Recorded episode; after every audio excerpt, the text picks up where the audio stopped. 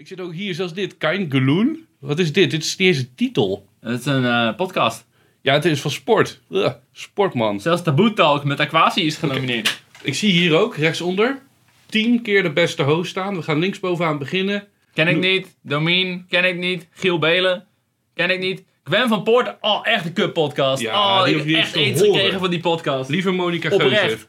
Oprecht aids gekregen. Eh, ken ik niet. Eh Pepijn, Wouter Monde, ken ik niet.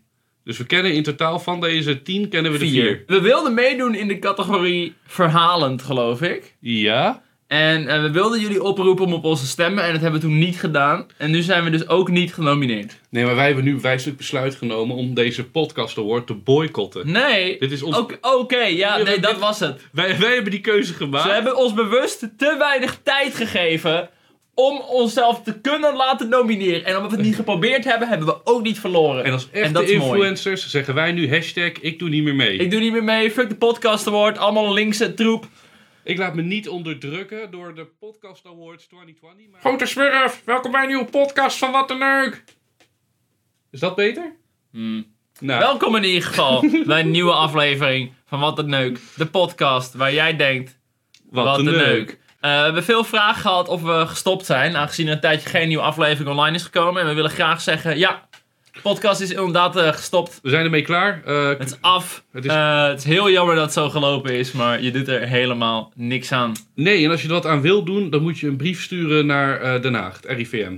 EVM, ze hebben het een beetje druk momenteel, Ja. maar misschien dat er een podcast aanvraag nog wat tussendoor kan. Ik weet zeker dat er ergens een vakje ligt voor de Wat de Neuk podcast. En, eh, Eh, ja, waarom is de podcast gestopt? Corona natuurlijk. Vandaag de dag kun je gewoon altijd corona als argument zeggen. En dan zetten mensen er geen vraagtekens ja, bij. precies. Oh, oké, cool, corona. Was nog kunnen vragen, maar was, de was, was corona niet al bezig voordat de podcast begon? En dan, ja, in principe, maar... Ja, dat, maar weet je wat het ook is? En Misschien deed je nu thuis, had je niet een berichtje eruit kunnen doen voordat jullie gingen stoppen voor een tijdje? Nou nee, want wij wouden jullie het gevoel geven van wat de neuk. Dat was ons idee. De What a Neuk experience. Het sociaal experiment. En het is geloof ik geluk, Rick.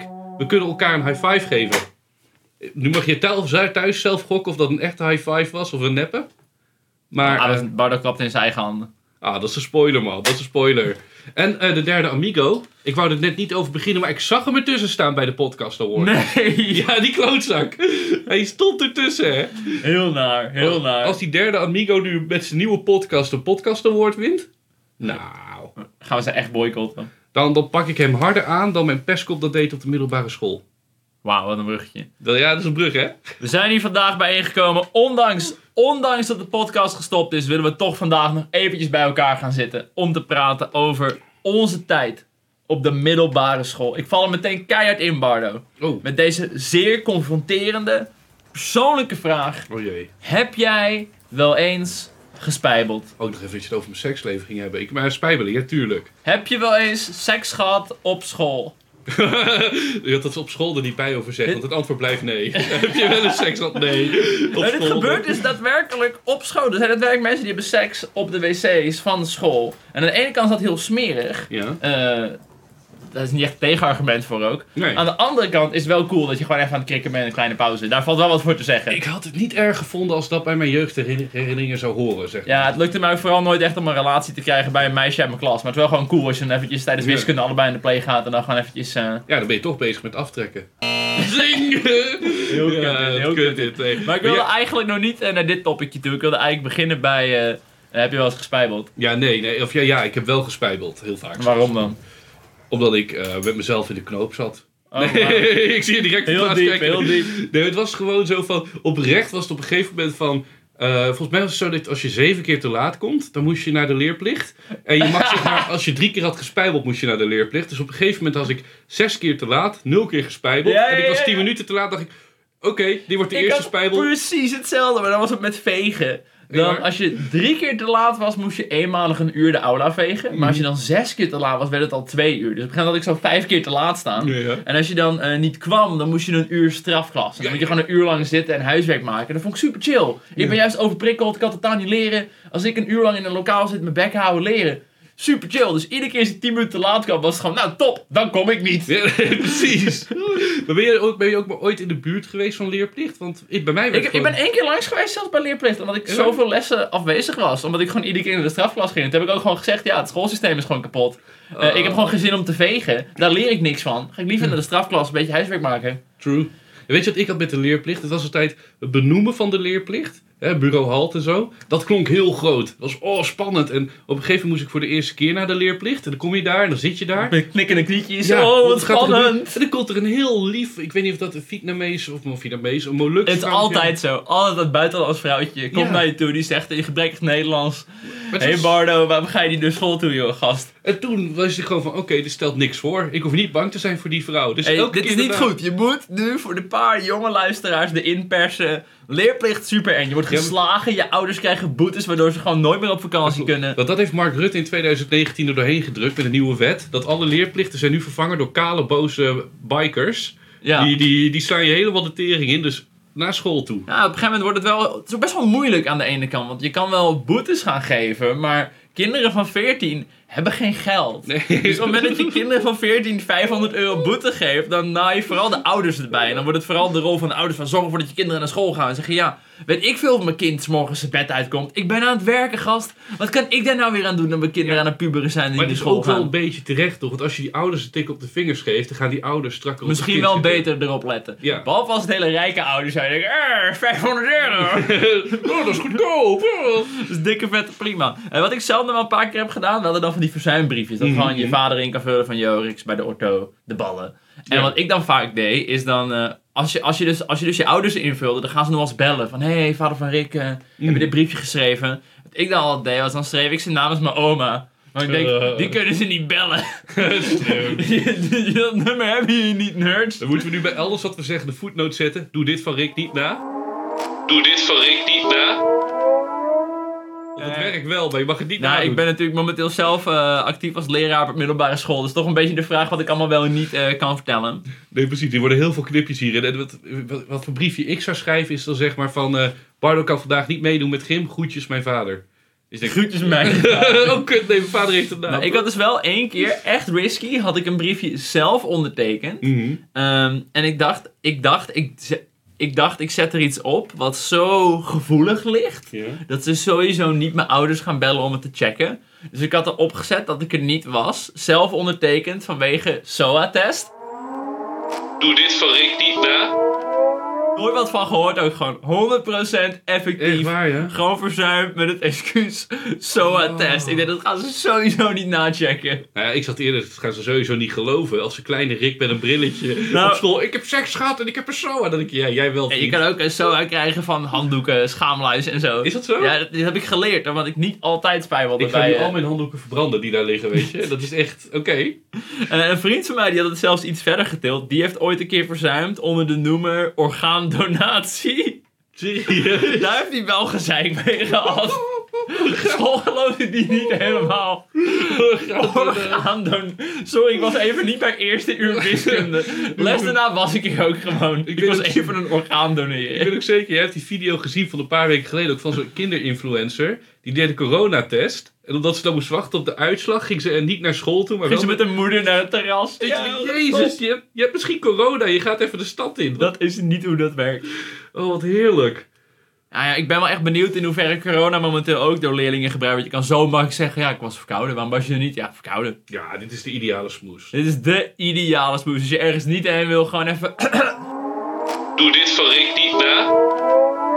Maar ik had dat gevoel ook bij het begin van corona, want toen bleven de scholen open. En toen in één keer twee dagen later zei Mark Rutte, oké, de scholen gaan toch dicht. Ik zou, als ik op de middelbare school had gezeten, had ik gewoon geroepen, voor mijn veiligheid moet de school dicht, iedereen naar huis. Oh, dat roepen heel veel middelbare scholen. Ik zie echt heel social media van, ja, je mag niet met meer dan 30 man in één ruimte. Ondertussen de aula be like. Precies. En dan gewoon zo'n foto van Pinkpop 2019 of zo. De aula be like. En dat snap ik, maar ik vond dat vooral grappig dat geen enkele middelbare scholier zegt van oh, laten we mondkapjes verplicht maken. Dat boeit iets. We willen gewoon, we willen gewoon naar huis. Exact. Ik heb ook niet het gevoel dat er ook bij één iemand is die oprecht uit veiligheidsoverwegingen zegt: Ik wil naar huis. Nee, die wil gewoon Ik lekker. voel me niet veilig hier. Nee, het is gewoon, jongens, kan, kan ik niet gewoon naar huis toe? Ja, het is kut hier, doei. Ja, ik merk dan dus momenteel zelf als eh, docent ook dat die corona ook best wel veel dingen ja, best wel moeilijk heeft gemaakt. Er zijn best wel wat leerlingen die toch wel een beetje een achterstand hebben omdat dat hele online onderwijs een stuk minder makkelijk werkt. Wat vooral heel onhandig is, is sommige leerlingen die nu bijvoorbeeld in de vijfde zitten, die hebben wat kennis gemist wat je eigenlijk in de vierde moet hebben. Maar ze hebben ook het boek niet meer. Dus het is allemaal Oh, één serieus? grote puinhoop. Ik ben heel benieuwd hoe dat gaat lopen met de examens. Mm, dat is kut, ja. Want jij moet dat oplossen nu voor die kinderen. Ik moet natuurlijk. dat in principe op een gegeven moment weer gaan oplossen. Ik moet ervoor gaan zorgen dat ze die kennis zonder boek alsnog weer een klein beetje bijbenen. Eh, voor de rest wat wel interessant is, eh, als we nu toch een beetje gaan hebben over corona. Het hele corona-diploma is natuurlijk een ding. Dat sommige Ja. mensen geen eindexamen hebben hoeven doen. Als je dus kijkt naar de slagingspercentages, lag ook in dat daadwerkelijke jaar het slagingspercentage wat hoger. Mm. En nu, is- nu is een beetje de vraag, willen we dit jaar de examens ook een stukje makkelijker gaan maken? Omdat mensen dus een leerachterstand hebben? Of willen we juist dit jaar eh, het slagingspercentage flink omlaag gaan gooien? Het zijn allemaal hele moeilijke keuzes die je moet maken. Ja, nee, ik, ik weet niet. Ik sta er dubbel. Er is toch geen hond op aarde die zegt over in 2030, over 10 jaar, dat er een werkgever is die zegt: Ja, maar je hebt in 2020 heb jij de, je HAVO gehaald. Dat is een corona. Dat is sowieso ook een beetje mijn argument. Als jij je HAVO-diploma gebruikt om vervolgens een vervolgopleiding te doen, waar toch middelbare schooldiploma's eigenlijk een beetje voor bedoeld zijn, dat je doorstroomt naar een MBO, een HBO, een universiteit. Als je gewoon je universiteit of whatever je gaat doen afmaakt, Mhm. boeit het niemand of je wel of niet je diploma hebt gehaald in coronatijd. Dus in dat opzicht. Nee, daarom. En ik denk ook heel erg terug. Ik weet niet, dat als ik weet niet, jij weet het wel waarschijnlijk. eh, een paar jaar geleden van in Holland. Weet je Dat schandaaltje, ja, ja. Ja, want ik heb niet het gevoel dat de kinderen die toen bij de school in Holland hebben gezeten, dat die echt de type ervan zijn. Ah, dat weet ik niet hoor. In dat opzicht, dan heb je echt een vervolgopleiding gedaan die Hmm. echt een beetje gevloend was. Ja. Misschien is dat dan wel een stukje gevoeliger. Dat ze op je cv kijken en denken, nou, was dat niet die ene school die... eh, brr, brr, brr. Ja, als je dit zo... Ik moet toe... Oké, oké. In principe zijn er ook echt rankings van universiteiten bijvoorbeeld. Van ja, Mhm. deze universiteit is heel hoog aangeschreven en deze minder. Dat heb je vast ook voor hogescholen. En dan staat die ene eh frauderende in Holland waarschijnlijk wel onderaan de lijst. Kijk, stel hè, onze, deze podcast wordt een wereldsucces. We kunnen een productieassistent inhuren. En er zijn twee mensen die exact hetzelfde ook in zijn. Holland gezeten. Exact. Ze hebben dezelfde opleiding. De ene heeft het op een eh, normaal gedaan en de andere bij in Holland. Dan zou ik toch voor die ander gaan. Ja, gast, je hoeft alleen maar onze podcast te regisseren. Het is geen hogere wetenschap. Misschien zou ik zelfs... Ik neem je aan als je de basisschool hebt afgerond en gewoon een portfolio hebt, dat je weet hoe je op een knop kan drukken. Het is echt... Gewoon even op toetsenbord slaan in je bent er, deze podcast. Oké, we zijn een klein beetje afgeleid. Ik wil een klein beetje terug naar de wat makkelijker eh, middelbare schoolonderwerpjes. De behapbare shit. De behapbare shit. Heb je ook wel eens, buiten het veelvoudig spijbelen en eh, date met de Vietnamese leerplichtambtenaar, Ja. heb je ook wel eens gespiekt? ja, tuurlijk. Ik heb heel veel. Wat waren, je- wat waren je speakmethodes? Ik ben zelf, ik heb zelf nooit gespiekt. Vooral omdat ik ten eerste een gigantisch nerdje was. Ja? Dus ik leerde sowieso zelf al Je, voor je de hebt echt toetsen. nooit, nooit gespiekt. Nou, ik heb wel eens het een en ander geprobeerd. Je hebt ook nooit gespiekt in de BH van de mooie meid voor je. Eh spieken is breder dan alleen... Nee, nee, nee, voor, ik heb het nu even over spieken op toetsen. Ja, oké, alle dit BH's werden gespiekt natuurlijk, sowieso. Doe dit van Rick niet na. Tuurlijk. Ehm, Weet je Ik- wat trouwens was? We hebben één meid in de klas. Eh, ik- nog steeds. Eh, ja, nog steeds, ja. Eh, ik, ik zal de naam niet noemen, eh, want dat is lullig eh, voor Laura. Dus eh, laat ik het vooral zo zeggen. Laura die had op haar veertiende joekels van een borsten. En het was Je, grote Jopen, ja, echt ja. hele grote jopen. En we hadden er plezier over. En elke klas moest ze, zeg maar, als ze ging zitten, moest ze erachter leunen en haar borst omhoog tillen en die op tafel leggen, zeg maar. Poef! Ja! En dat was een moment bij elke les die we hadden. Totdat we op een gegeven moment in de vierde klas, een paar weken voor het examen, toen moest Laura naar de dokter toe, omdat ze de rugklachten kreeg van de borsten. Ja, Ja. dat gebeurt dat werk. ik wist dat echt niet. Ik voelde me nog altijd op de dag van vandaag lullig over het feit dat Dat wij... zo dit- heb uitgelachen daarover. nou, we hebben er niet gepest of uitgelachen, maar we zaten wel met alle jongens van, oh, de les begint. Even kijken bij Laura. Laura! Wauw. Arm, arme Laura. Ja, sorry, over spieken gesproken.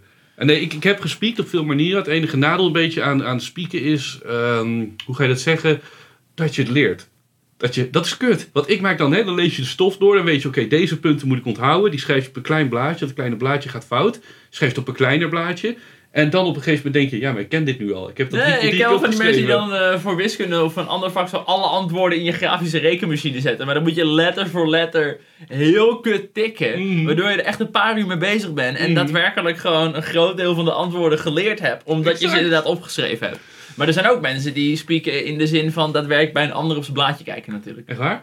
Nou, ik zou wel Kan zeggen... dat? Kan dat? Kun je gewoon kijken wat andere mensen hebben opgeschreven bij vraag 3? Heb jij dat, zelfs dat heb jij nooit gedaan? Gewoon bij Ik heb het wel eens geprobeerd, maar ik ben er echt gewoon veel te slecht in. Ik vind dat veel te spannend en zo. Ik heb wel een keer geprobeerd bij een luistertoets. Dat we zo deden van, oké, als het A is, doen we...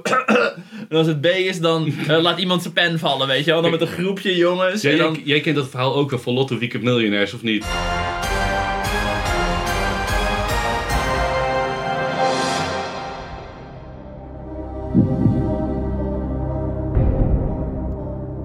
Ja, die, eh, Die David, David Ingram. David Ingram was dat. Was dat David Ingram? David Ingram.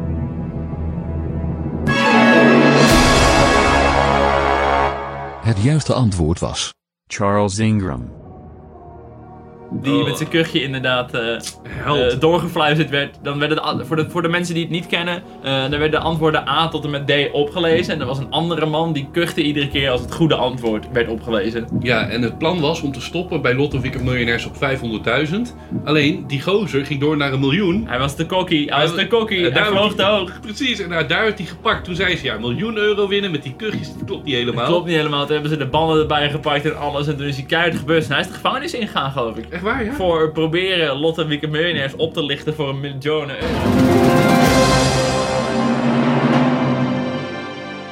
Ik weet wel dat die gozer van Miljoenenjacht, die ook de bende wou oplichten, maar dan met een rechtszaak omdat hij zich genaaid voelde. Oh ja, wat was het ook weer? Hij had deal gedaan, maar hij wilde geen deal doen of zo? ja, en in de reglementen stond niet dat het onomkeerbaar was. Dus het had teruggekeerd mogen worden. Alleen hij had het geld geaccepteerd en getekend. Dus daardoor zei de rechter van nee, je hebt nu het geld gekregen van Lotto Miljonairs. Vermaak jezelf. Je had maar niet moeten tekenen als je het echt niet wou. Maar ja, dan had hij dus en geen 23.000 euro. En in zijn koffertje uiteindelijk zat 2,5 miljoen. Dus hij zei, ja, ik wil die 2,5 miljoen uit mijn koffer. Ja, dat is lekker makkelijk lullen natuurlijk. Dat net zo goed nog de 20 cent in zijn koffertje kunnen zitten. exact, exact. Achteraf is dat lekker makkelijk lullen natuurlijk. En eh, wat betreft het spieken, eh, ik heb veel methodes gebruikt. Eh, ik denk de mijn meest befaamde is wel in het eh, waterflesje aan de onderkant van het Oh, van etiket. het etiket. Ja, die ken ik wel, ja. Daar dingetje doen. En ik ik moet heb- er eigenlijk wel een beetje in gaan verdiepen. Als ik daadwerkelijk binnenkort... Ik heb al een keer een toets gemaakt, laatst Mhm. een SO'tje atoombouw. Maar als ik echt binnenkort ook eh, toetsen ga surveilleren en zo... moet ik wel echt een beetje up-to-date zijn met alle, Oeh. alle eh speakmethodes. Ik weet, een, ik heb één keer geluk gehad met een meis voor mij. was niet Laura, maar die was zo vriendelijk voor mij. Om, die had op haar rug zeg maar een blaadje geplakt. En haar haar eroverheen gedaan. Oh, dat soort dus dingen. op een gegeven moment, als de leraar vooraan stond, kon ze de haar zo over de, over de schouder doen. Waardoor je het blaadje kon lezen voor mijn neus. En als de leraar eraan kwam, deed ze dat ding zo gauw. Wauw. Super chill. En ik heb een keer meegemaakt dat de leraar, eh, die, het SO was niet echt een proefwerk, maar het SO'tje gewoon tussendoor even. eh, had hij besproken met de klas voor ons. Want die had hem al gedaan vorige week. Dus de antwoorden stonden letterlijk op het bord. Dus dan moest je als een gek schrijven. Alle antwoorden van het bord op dat plaatje. Omdat de leraar was vergeten, hé, de antwoorden staan er nog. Alleen er was er één iemand en die zei na vier minuten... Ja, maar leraar, de antwoorden staan op het bord. Dus oh, Zo jammer zo- Dus je bent zo'n leier. Zo jammer dit. Ja, alsnog een 6,5. Terwijl ik, Hey, hey, that, that- that's pretty good. Sowieso, ik denk dat meisjes sowieso wel echt de naarste speakmethodes hebben. Ik heb wel eens gehoord van meisjes die papiertjes in hun BH hebben of zeg maar onder een rokje. Je kan niet als docent eventjes zeggen, hé, hey, nu je BH uit. Doe dit van Rick niet na. dat kun je helemaal niet maken, joh.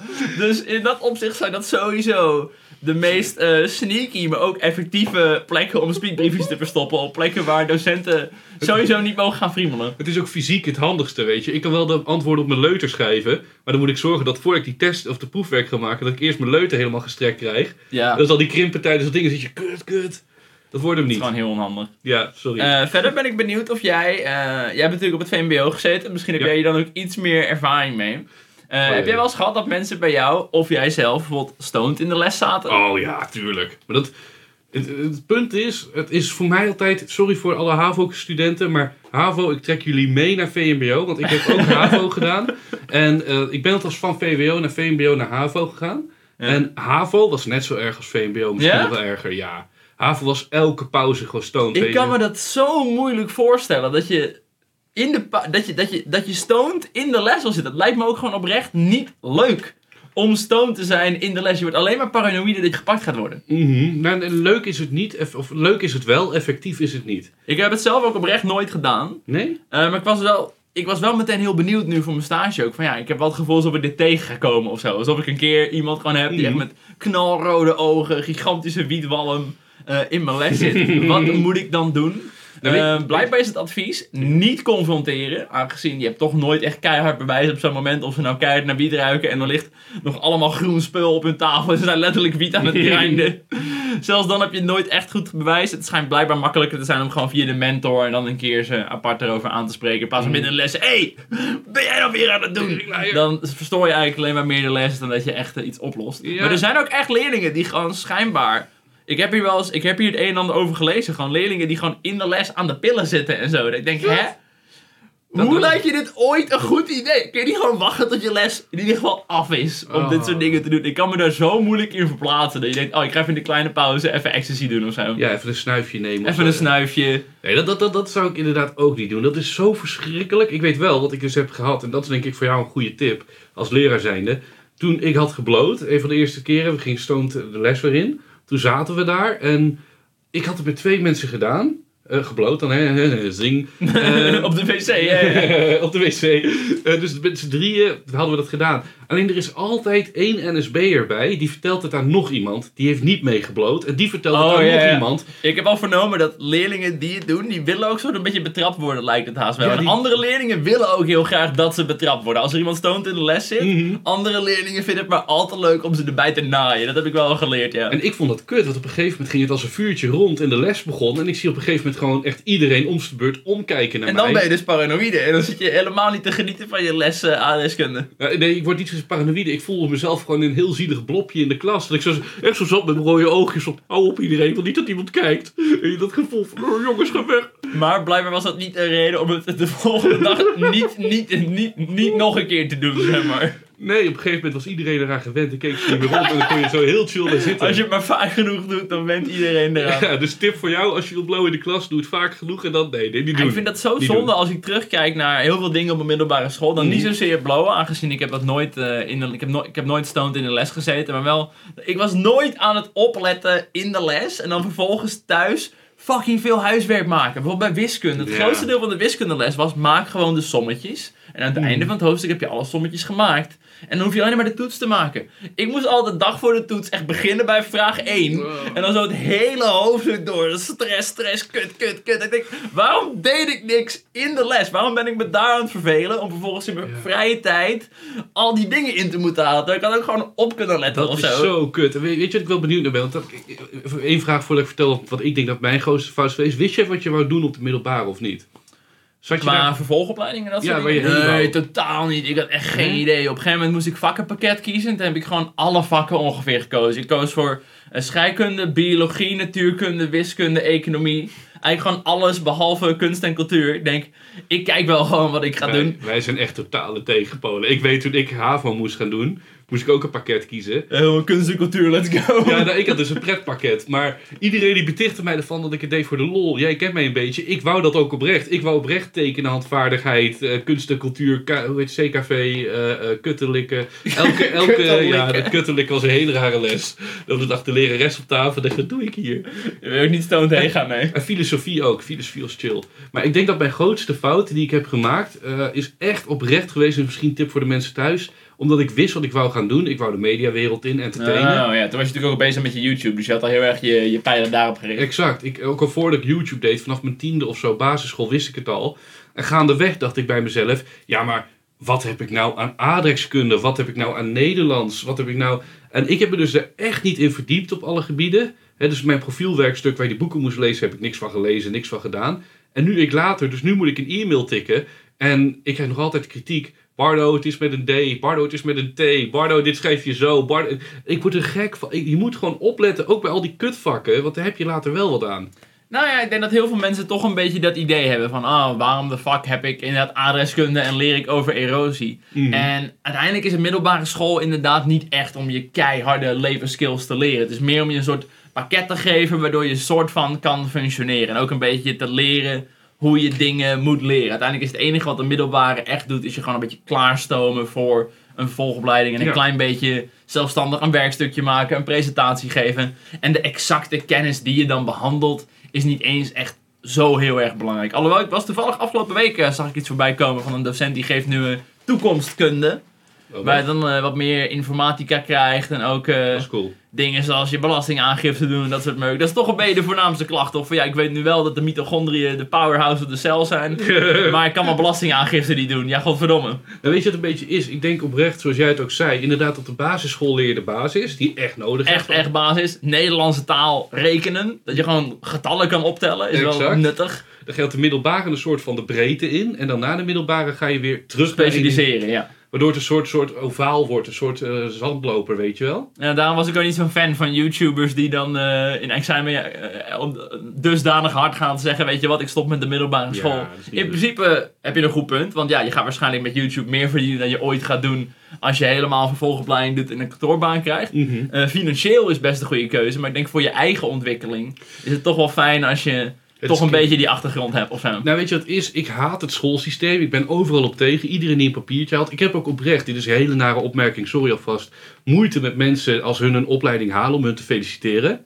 Omdat ik echt, echt... Omdat je het zelf niet, niet gehaald hebt. Nee, omdat ik het onzin vind. Omdat ik het echt, echt diep van binnen onzin vind. Hey, sorry voor iedereen die op de school zit nu.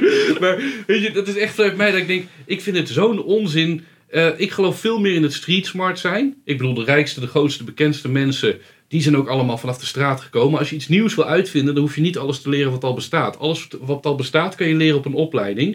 En dan ga je dingen binnen het eh, gareel. En als je Ja, breder wil dan moet je wel wat nieuws uit kunnen vinden. Ik denk dat te veel mensen kijken van ja, Bill Gates die heeft de school niet afgemaakt. Die denkt van ja, maar Bill Gates zat wel op Harvard of zo. Hij deed wel echt al een prestigieuze universiteit. en had toen een geniaal idee en is toen gestopt, weet je wel. Het feit dat jij je eindexamen HAVO niet afmaakt is niet helemaal vergelijkbaar, weet je wel. Ik vind dat toch wel een verschil. Dit is ook een, dit is ook een Voor mij heeft. Elon Musk wel gewoon heel goed gestudeerd, weet je wel. Er zijn Ja, het is net iets te makkelijk om te kijken naar de paar mensen zonder diploma die het gemaakt hebben. En niet te kijken naar de gigantische mensen zonder diploma die ja, eh, Nee, werk moeten doen waar ze misschien niet eh, altijd tevreden Maar mee weet je, zijn. het is laat ik even iets concreter dan het pijnlijke puntje opnoemen. Eh, en dit gaat niet zozeer over de middelbare school, waar we het vandaag eigenlijk over hebben. Maar het breed denken, het vernieuwend kunnen denken over alles wat er is op de wereld en in de maatschappij. Dat wordt je geloof ik een beetje ontnomen op een vervolgopleiding. Terwijl bij sommige dingen, zoals wat jij hebt gedaan natuurlijk, daarvoor moet je wel een vervolgopleiding doen om dingen te leren die je anders niet zou kunnen weten. Maar wat ik bijvoorbeeld doe in de media, dus werken met video, editing, script schrijven. Ja, nee, in dat soort branches kijken ze uiteindelijk inderdaad ook gewoon veel meer naar je portfolio. Ja. In de creatieve sector, dingen zoals editing, eh, bijvoorbeeld eh, zelfs eh, grafisch design en zo. Ze kijken veel meer naar wat kan jij maken op de computer. In plaats van, hey, bij welke heb je een diploma van in Holland of niet, zeg maar. Uiteindelijk kijken ze daar veel meer naar wat je kan en niet zozeer naar een papiertje. En dat is ook goed, maar ja, in sommige vakgebieden is het toch gewoon handig. Uiteindelijk is dat papiertje ook gewoon een stukje competentie, weet je wel. Eh, Mhm. Heel veel mensen die scheikunde studeren, die gaan uiteindelijk niet eens op een lab werken. Heel veel gaan gewoon bij een bank werken, omdat het papiertje laat gewoon zien dat jij op een bepaalde manier na kan denken. En een, ja, het is toch een soort certificaat van, hé, hey, ik ben niet volledig dom, eh, dus geef me deze baan, weet je wel. Ik kwel niet op een bureau, zeg maar, zo'n blaadje. Ja, nou, laat vooral zien dat je blijkbaar de discipline hebt om allemaal saaie kuttaken te doen. Zo beschrijven sommige mensen het ook wel. Je laat zien dat je de discipline hebt om daadwerkelijk al je vakken te halen van een iets wat moeilijke studie. True, heel erg true. En het, eh, weet je, het, misschien het handige, of voor mij ook een beetje de irritatie ook zit. Ik weet, ik heb in eh 2010 brak mijn YouTube-carrière door. En ongeveer, ja, volgens mij februari 2010 heb ik een opleiding gedaan, marketing, communicatie en evenementenorganisatie. En op die fucking opleiding, ik brak door op YouTube. Ik kreeg een tv-programma, ik had 100.000 abonnees, Banjo Town kwam erbij. En hun zeiden, ja, maar dat is geen marketing. Ik zei, dit is half Nederland wat ik bereik. Ik bereik met een video 500.000 mensen. Ja, maar Bardo, je moet een flyer maken. Ik een flyer, dat is voor één iemand. Ik kan, in plaats van een flyer kunnen we 100.000 mensen bereiken. Ja, maar je, moet, je moet ook de flyer maken, maat. ja, maar dat heb ik ook gedaan. Alleen dan vervolgens om nog tien andere flyers te maken, zei ik van ja jongens, dit is een effectievere methode, vernieuwender. En zeiden ze, ja maar social media staat niet in ons boekje, dus dat kunnen we niet goed rekenen. Dus oprecht, daardoor heb ik mijn opleiding niet gehaald, omdat het dus niet in hun boekje stond. Maar dit is misschien beter voor de vervolgpodcast, voor je opleidingen. Ja. Nu ben ik wel meteen benieuwd, eh, als we toch weer een klein beetje terugkoppelen naar de middelbare school. Eh, Wat was dan je favoriete vak? Nou, de leukste waar ik altijd echt voor ging zitten is geschiedenis. Maar daar hebben we het vorige keer over gehad. Ja, nee, ik vond geschiedenis op de middelbare ook altijd wel echt heel leuk. Ja. Want ik, ik, ik weet, ik heb daar echt stukken voor gemaakt waar je echt u tegen zei. Eh, en dat zijn gewoon echt, moet je een verslag maken van een halve pagina. En ik weet, ik heb ooit een keer een eh, ding geschreven, omdat Filemon Wesseling was de laatste persoon die Pim Fortuyn heeft gesproken. Mhm. Had ik dus vanuit de visie van Filemon Wesseling geschreven, hoe dat was bij 3FM en dat Pim Fortuyn werd vermoord. Even hoe niet leuk. Nee, ik vond niet leuk. Nee, maar dat is echt zo van. Ik liep naar de heer Fortuyn, ik stelde hem mijn zijn vragen. Toen ik daar vervolgens koffie dronk, hoorde ik een schot buiten. Toen ik uit het raam keek, zag ik tot mijn verbijstering de heer Fortuyn liggen. En dat is meer omdat ik het zo leuk vond, geschiedenis, om me in te leven, verhalen te vertellen, te delen, te horen. Dus geschiedenis is volgens mij helemaal de shit. Voor jou? Eh echt zin is wel leuk. Ja, maar ik bedoel meer wat was jouw favoriete vak? Wat, eh, Ehm, ja, uiteindelijk denk ik ook dat een vak ook wel heel erg valt of staat bij de docent. ja. Ik had een hele leuke docent voor maatschappijleer. Eh, ik, hoor bij sommige, ik, ik heb toevallig laatst een beetje gepold onder mijn kijkertjes op... ik heb laatst een beetje gepold op Twitter, een beetje wat mensen favoriete vak hadden. En heel veel mensen vonden maatschappijleer of heel erg leuk of heel erg kut. Dus dat zou ook echt wel heel erg aan de Mhm. docent gelegen hebben. Bij ons was maatschappijleer echt een beetje, hey, deze week is dit in het nieuws. En dan gingen we daar gewoon een klein beetje een open discussie over hebben in de klas. Van nou, Ja. eh, ben je voor of tegen en waarom vind je dat dan? Het ging niet eens echt om het is voor of het is tegen, maar vooral van leren beargumenteren waarom je iets vindt. En dat is ook echt heel erg iets wat bijvoorbeeld bij Nederlands naar voren kwam. Ik vind Nederlands nog steeds een heel gaar vak. Ja. Dus ik moet uitleggen wat leer je nou echt bij Nederlands op de middelbare school. Vooral het eindexamen. Het eindexamen is alleen maar begrijpend lezen, wat ook echt weer Kut is. heel raar is, aangezien zoveel komt begrijpend lezen ook weer niet terug bij Maar is dat ook voor jou bij, want jij hebt gymnasium gedaan. Was het Ik heb uiteindelijk ateneum gedaan, VWO, en ik had, mijn eindexamen Nederlands was alleen maar Oh. begrijpend lezen. Terwijl hetgene bij Nederlands wat we denk ik het meeste gedaan hebben was debatteren. Dat vond ik wel weer heel leuk. Dat is cool. Ik weet wel, wij hadden altijd een heel klein mannetje van 64. Toen ik van school afging, werd hij 65, mocht hij weg. En eh, hij had humor, jongen. Dat was een hele strenge vent met humor. En dat was zo goed. Hij heet ook Peter. En er was één iemand uit mijn klas die had als slogan voor zijn prof- profielwerkstuk ook Peter weet het altijd beter. en daar kon hij gewoon om lachen. Dat zet hij ook heel trots op rapport. En dacht ik, ja, dat is leuk. Alleen de stof die hij gaf was helaas gewoon kut. Daar baalde ik altijd van. Ik dacht, Nederlands, jammer. Maar voor jou is het Nederlands je favoriete vak dan nu? Of, eh? Nou, nee, ik vond Nederlands grotendeels van de tijd gewoon echt nutteloos. En ik denk, waarom hebben we het hierover? Maar ik vond de lessen waar we daadwerkelijk met z'n allen gingen debatteren, vond ik wel het hele toffe lessen. Ik heb ooit een eh, cv moeten schrijven voor Nederlands. Gewoon een beetje de indeling, wat zet je erop en verkoop jezelf een beetje. En ik gebruik gewoon nog steeds dat cv. Ik pas hem gewoon aan. Ik gewoon een paar dingetjes hier en daar. Maar ik heb gewoon nog steeds dat 5 VWO cv is gewoon nog steeds mijn cv eigenlijk. Nee, echt waar, ja? Ja, het was gewoon een goede indeling, zag er netjes uit. Godverdomme man. Nou, Heb ik gewoon wat aan gehad. Oh, dit, ik weet wel, dat is misschien het enige waar ik voor baal is. Wij hadden ehm, voor wiskunde hadden we een eh, Turkse leraar. En die, eh, de- ja, god, ik, ik kan geen naam verzinnen. Dus ik, eh Bikuru noem ik hem even. Bikuru. Bik- Bikuru. Het heet niet Bikuru, maar ehm het was een soort, soort arme, verloren man. Die niet helemaal op zijn plek was voor de, voor de klas. En ik weet nog dat, je had altijd van die eh, stokjes die je neerlegde voor het raam. Zodat het raam niet open kon. Had jij dat ook of niet? Want ik heb op drie, vier scholen gezeten. Nee. Nou, ze- het je had van die schuiframen. En om die schuiframen tegen te houden, leg je dan zo'n houtblokje daarbij zodat het raam niet open kan. Oké. En op dat houtblokje had ik in hoofdletters geschreven: Bikeroe, waar is mijn fiets? en hij was pislink. Heeft hij alle eh, dingen om laten schilderen. Heeft hij vier lessen lang iedereen uitlopen schelden. En toen op een gegeven moment in de vijfde les moest hij naar de wc. Dus wat deed ik? Ik pakte mijn pen en ik ging me omdraaien van mijn stoel. En op de muur schreef ik: Bikeroe, waar is mijn fiets? Die arme Bikuru. En op een gegeven moment heeft dat er dus twee jaar lang gestaan. En elke keer weer zei hij: Wie heeft dat op de muur geschreven? Wie heeft Bikeroe? Waar is mijn fiets neergezet? Ik vind het wel knap dat je klasje niet verraden heeft ook. Nou ja, ik was, ik was bang. Op een gegeven de eerste keer vond ik het leuk. Maar bij de tweede keer dacht ik: Ik ga hier niet meer mee opscheppen. Die Bikeroe is echt heel erg boos. En Die, die is pislink. Vind je het gek dat die pislink is? Het is en racistisch en vernieling. Dus Ja, ja, het is vooral de combinatie van die twee. Nu moet ik wel terugdenken, als ik denk aan vernieling op mijn school, was het ook Mhm. altijd jongeren die hakenkruizen op de muur gingen zetten met pen. Allemaal racistische shit en hakenkruis en echt, kon echt niet als je erop Ik zal, terugdenkt. ik zal je eens een verhaal vertellen. Ik weet toen we Banjartown net waren begonnen, waren er een paar mensen, ik zal geen namen noemen, maar die gingen dus hakenkruisen en piebels ook op kijkers tekenen. Ik noem geen namen. Nou, dat, dat, dat is kan ik me haast niet voorstellen. Nee, dat is lullig voor Jury en Vincent als we hun... eh, nee, maar... En trouwens, één ding wat ik nog bij wil vertellen, bedenk ik me nu over de drugs. Ik heb ooit gebloot met een docent. Oké. Op een schoolfeest. De docent blode niet mee, maar ik Je stond gewoon naast hem te blowen eigenlijk. Vind ik al minder cool dan met een Ja, docent. het was zo, kijk, het was een jointje gedraaid. Iedereen nam een hijsje op een schoolfeest. Op een gegeven moment was het zo, oh, kut, kut, kut. eh Huis in het veld komt, ja, Huis in het veld komt eraan. En de jointje werd aan mij gegeven. Ik zat met het jointje zo, links in mijn hand. Huis in het veld stond rechts naast me. En op een gegeven moment dacht ik, fuck it, waarom ook niet? Iedereen doet moeilijk, gewoon... Ja, dat is een dikke hijs, uitblazen. Die Iswa Bardo, dat is een dikke ijs. Pas dat ding door dan. Eh, Dus dat is een trots verhaaltje. Oké, trots verhaaltje. Ja, nee, ehm, ik ben ook echt wel flink irritant geweest hoor, sommige, Ja. bij sommige docenten. We hadden een, eh, een docent Latijn, die hebben we echt, die was ook best wel nieuw. En dat merkte je ook gewoon, dat ze nog een beetje onervaren was. En Mhm. soms dan gingen we dusdanig irritant doen, dat ze eigenlijk niet echt wist wat ze moest doen. En dan ging ze gewoon het schoolhoofd toe. Nu ik daarop terugdenk, we hebben er ook echt gewoon weggepest. Dat was echt heel Dat kut. man. Maar we waren echt zo naar. We hadden bijvoorbeeld een keer een les gewoon persoonlijk dat ze vandaag jarig was. Hadden we taart meegenomen en alle kanten uitgedeeld.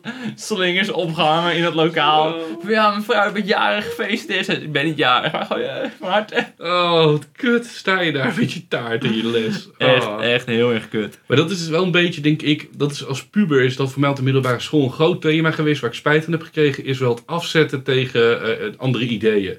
Ik weet bijvoorbeeld als ik ruzie kreeg met, met een, eh, dat heb ik gehad met een Marokkaanse jongen, was ik gewoon direct de allereerste die riep, ja fuck jou, ik ga toch Geert Wilde stemmen, weet je wel. En dan die jongen werd weer boos en dan werd hij nog bozer op mij, waardoor meer mensen boos worden op hem en waardoor er een hele grote polarisatie ontstaat op de, op, tussen de leerlingen. En dat is een beetje een van de nadelen dan. Ik dacht eigenlijk dat je ging zeggen dat je eh, zo gemeen was tegen je docenten, dat je dat jammer vond. Nee, nee, nee, ik was goed. Ik, ik, ik was tegen mijn docent was ik altijd. Ik heb zelfs ooit een keer. Er was een vrouw die heette Lies. Die gaf levensbeschouwing. En die was een beetje onzeker. Jongens, we gaan nu beginnen met de les. En die had ooit. eh, dan moest je in een rondje. onder het genot van die ah, Indiaanse eh, Jenga-muziek. Ik weet niet hoe je dat moet noemen. Jingle Jangle. eh, moest je dus gaan tekenen. En wat ik deed, ik tekende een pokebal in dat rondje. En zij zei, oh, wat heb je getekend? Dus ik vertel tegen haar, kijk, je hebt twee kanten in het leven. En je wil allebei in het middenpunt komen. Alleen je kan of vallen naar het witte kant of naar de rode kant, naar de duisternis. Dus je loopt het pad van het leven. Oh, wat mooi. Heeft ze dat ding dus meegenomen naar alle klassen toe. Aan iedereen laten zien. Kijk, ik verwacht dat jullie dit ongeveer tekenen. Dan stond ze daar met een pokebal naar elke klas. En op een gegeven moment, na een paar weken, kwam ze naar mij toe. Zei ze, Bardo, klopt het dat dit van de serie Pokémon is? ik zei, ja, oké, dit is van Pokémon. Dit is gewoon een Pokéball, sorry. En uiteindelijk was ze boos. En toen was er een liedje voor- wat ze speelde aan het einde van de les. Toen voelde ik me ook lullig. En toen weet ik nog wel, toen ben ik opgestaan. En heb ik samen met haar voor de klas toen ook een dansje zitten doen op de muziek die zij fijn vond. En dat is Oh, een soort van verzoenende. Dat ik denk, hè? Verzoenende gebeurtenis. Nee, oké. En daarna heb ik het opnieuw gedaan. Nee, nee. Ik had ook één keer echt flinke ruzie met mijn docent levensbeschouwing. Mhm. Ik, was, ik, ik zat in de brugklas en ik liep eh, over straat een frikandelbroodje energy halen, je weet. En er was opeens een journalist, ik heb het verhaal best wel vaak verteld. En die wilde met mij gewoon een klein praatje maken over school. Klein artikeltje in de krant, gewoon een paar brugklassers over hun eh, school. En ze vroeg wat ik allemaal niet zo leuk vond in het leven. Dus eh, ik zei dat ik vond eh, kwart over acht beginnen, was dan eerste uur, vond ik heel kut. Ik had een hekel aan eh, fietsen in de regen. Ik moest altijd s'avonds rond een uurtje of tien moest ik, eh, naar bed van mijn moeder. En op een gegeven moment vroeg ze dus ook nog, wie is dan je minst favoriete docent? Dus Mhm. ik had gezegd, nou dat is mevrouw die. Doe dit van Rick niet na. En ja, dat was gewoon waar. Ze was niet per se verschrikkelijk. Ik had geen hekel aan haar of zo. Maar ja, als je van alle docenten moest kiezen, vond ik haar wel gewoon de minst chillen. Mhm. En toen heeft die journalist dus mijn woorden zo eh, proberen kort samen te vatten, dat het in één keer een soort haatspeech werd. het werd in één keer kwart over acht beginnen moet verboden worden. Net als de lessen van mevrouw X. Ze is nog erger dan fietsen in de regen. dat heb ik niet gezegd. Toen was fucking boos. Toen mocht ik de les niet meer in. Oh, serieus? Je hebt er alleen bij de genoemd? Of... Ja, gewoon bij de achternaam. Maar iedereen kende die vrouw wel. Ze was echt wel bekend in de omgeving. En iedereen las ook die krant. Dus Kan, kun, je, kun je dat artikel nog vinden op internet? Ik heb het artikel uitgeprint thuis liggen. Ik kijk wel eens eh, door het VMBO-geschiedenisexamen. is altijd wel gewoon een foto van Hitler met wie is deze man? Exact. Kent u deze gozer? Oh, is dat, is dat eh, die ene guy? Oh, heet die ook alweer? Oh ja, die, is dat die Hitlergast? Dat is inderdaad die Hitlergast, heel goed. Applaus voor jou. En ik weet ook, was ook bij mijn wiskunde van VMBO. Hadden ze een taart getekend. Eh dan letterlijke taart ook, omdat het anders te moeilijk was te begrijpen. Hè? Dat je denkt, de taartdiagram snappen we niet, dus we moeten het echt een taart. Het moet een letterlijke taart En zijn. in die taart zaten de lijnen al, zeg maar. Dus een streep door het midden, streep daar weer doorheen en daar nog een keer doorheen. Waardoor je echt duidelijk kon zien hoeveel punten die taart had. Eén punt werd er afgehaald. dan zeiden ze, hoeveelste is dit van de taart? En ze zei, je telt gewoon 1, 2, 3, 4, 5, en dan tel je op, dat is 1 achtste. Want het stond letterlijk uitgetekend op die taart. Ja, ik vind dat sowieso altijd wel bijzonder. Dat, eh, in principe dacht ik al, dat soort dingen leer je groep 8, toch? Ja, maar dat is basisschool rekenen. Maar op een gegeven moment kreeg je dan, misschien heb jij dat net gemist, toen ik op de middelbare zat, vo eh, voerde ze iets in genaamd de rekentoets. Mhm. Dat was een toets eh, waar je gewoon een beetje dat soort rekenen kreeg. Gewoon een beetje standaard, vermenigvuldigen, optellen, aftrekken, klein beetje verhaaltje. Mhm. Sommige vragen mochten met de rekenmachine. En het idee was dat als je daar een onvoldoende verhaalde, mocht je geen eindexamen doen. Maar er waren op een gegeven moment gewoon zoveel mensen die daarop onvoldoende haalden, dat ze het gewoon afgeschaft hebben. Het idee was, we willen in ieder geval, als je een diploma, HAVO, VWO, VMBO, als je een middelbaar schooldiploma hebt, dat je ook in ieder geval minimaal een klein beetje normaal kan rekenen. En het is gewoon afgeschaft omdat het zo'n drama was. Echt niet normaal. Terwijl, dit zal veel mensen verbazen, rekenen is mijn allersterkste vak geweest. Wiskunde niet, rekenen wel. Nou, dat is een groot verschil tussen wiskunde en rekenen. Het, ik bedoel, voor, met rekenen was ik op de CITO-toets beter dan 99% van Nederland. En met wiskunde was het een drama, allemaal zesjes. Ja, ja. Sorry mama voor de zesjes. Sorry voor de zesjes. Voor de duidelijkheid, even portret schetsen. Ik wil, misschien moet jij het ook zo even doen. Iets meer een portret schetsen wie jij was. Hoe was je op de middelbare? Ik was namelijk een buitenbeentje. Ik hoorde nooit echt bij één vaste groep. Alleen alle groepen konden, kon ik me wel in vinden. Dus bij elke groep kon ik aanschuiven bij de sportieve tafel, de gametafel, de nerdtafel. De... Ik vind het mooi dat je het ook echt zo beschrijft. Echt als zo'n Amerikaanse televisieserie voor kinderen. Je hebt de jokes, je hebt de Ja. make-up meiden. Het is net die fucking eh bioscoopfilm met die YouTubers. Wat was het ook alweer? Oh, Misfits. eh, Misfits. ja, en dat je oh. ook de vloggers. Ja, zo wel. De kunstengroep die geen enkele middelbare school heeft. De vloggers. En wij hadden dus een soort kel, hadden wij, dat heet ook de kel. En in de kel zaten dan de nerderige kinderen, de, de coole kids zaten erboven met een eigen tafeltje. En ik, ik, ik, ik heb nooit echt één vaste vriendengroep gehad, ik kon overal naartoe. Ik vind het ook grappig, want dat zie je ook bij YouTube nu bij mij een beetje. Dat als YouTuber hoor ik niet bij één vast groepje, maar ik kan naar alle groepjes toe, zeg maar. Mhm. En eh, dat was mijn positie. En ik stond wel bekend om, om de, de kutte acties van mij. Om er een paar op te noemen. Ik weet, eh, ik ben ooit een keer bij Stefano toen hij moest nablijven. Via het raam naar binnen geklommen. en toen was de lerares boos. En zei ik, ja, ik ga die meiden helpen met, met de visagie. En toen heb ik mezelf laten gebruiken als paspop. Alleen tegen mijn beste weten in, die docent was slim. Die liet mij zitten tot ik klaar was als paspop. En toen pas stuurde hij mij eruit. Waardoor ik dus naar de direct, directeur moest. eh, met al wat make-up op mijn smol. Ah. En een soort voor lul liep door de school. Dat ik dacht, kut, deze grap backfired heel hard. Ja, ja, ja. En ik weet, ik heb ooit een keer, ehm, dat is een signature move van mij. Hallo met Bardo, om ze op te nemen. Nog altijd, twaalf jaar later. En tijdens een tentamen Engels wist ik al van, oké, dit hele tentamen boeit niet. Ik heb toch al een voldoende, ik sta een acht of zo. En ik werd gebeld. Dus in volle glorie pakte ik mijn telefoon. In een hele stille aula was dat. Dat was echt in een aula. Zo, ik dacht, waarom moet ik niet? Het is één kans in mijn leven.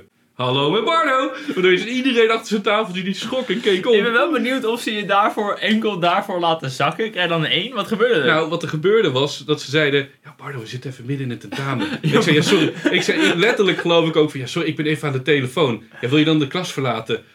Ja hoor. Dus ik pak mijn tas en ik liep ook weg. En ik heb er een 1 voor gekregen. Maar mijn gemiddelde was toen zeg maar getrokken naar een 6. Ik, Wat kut. maar het is wel een verhaal na te vertellen. Je had ook gewoon een voldoende kunnen halen voor Engels.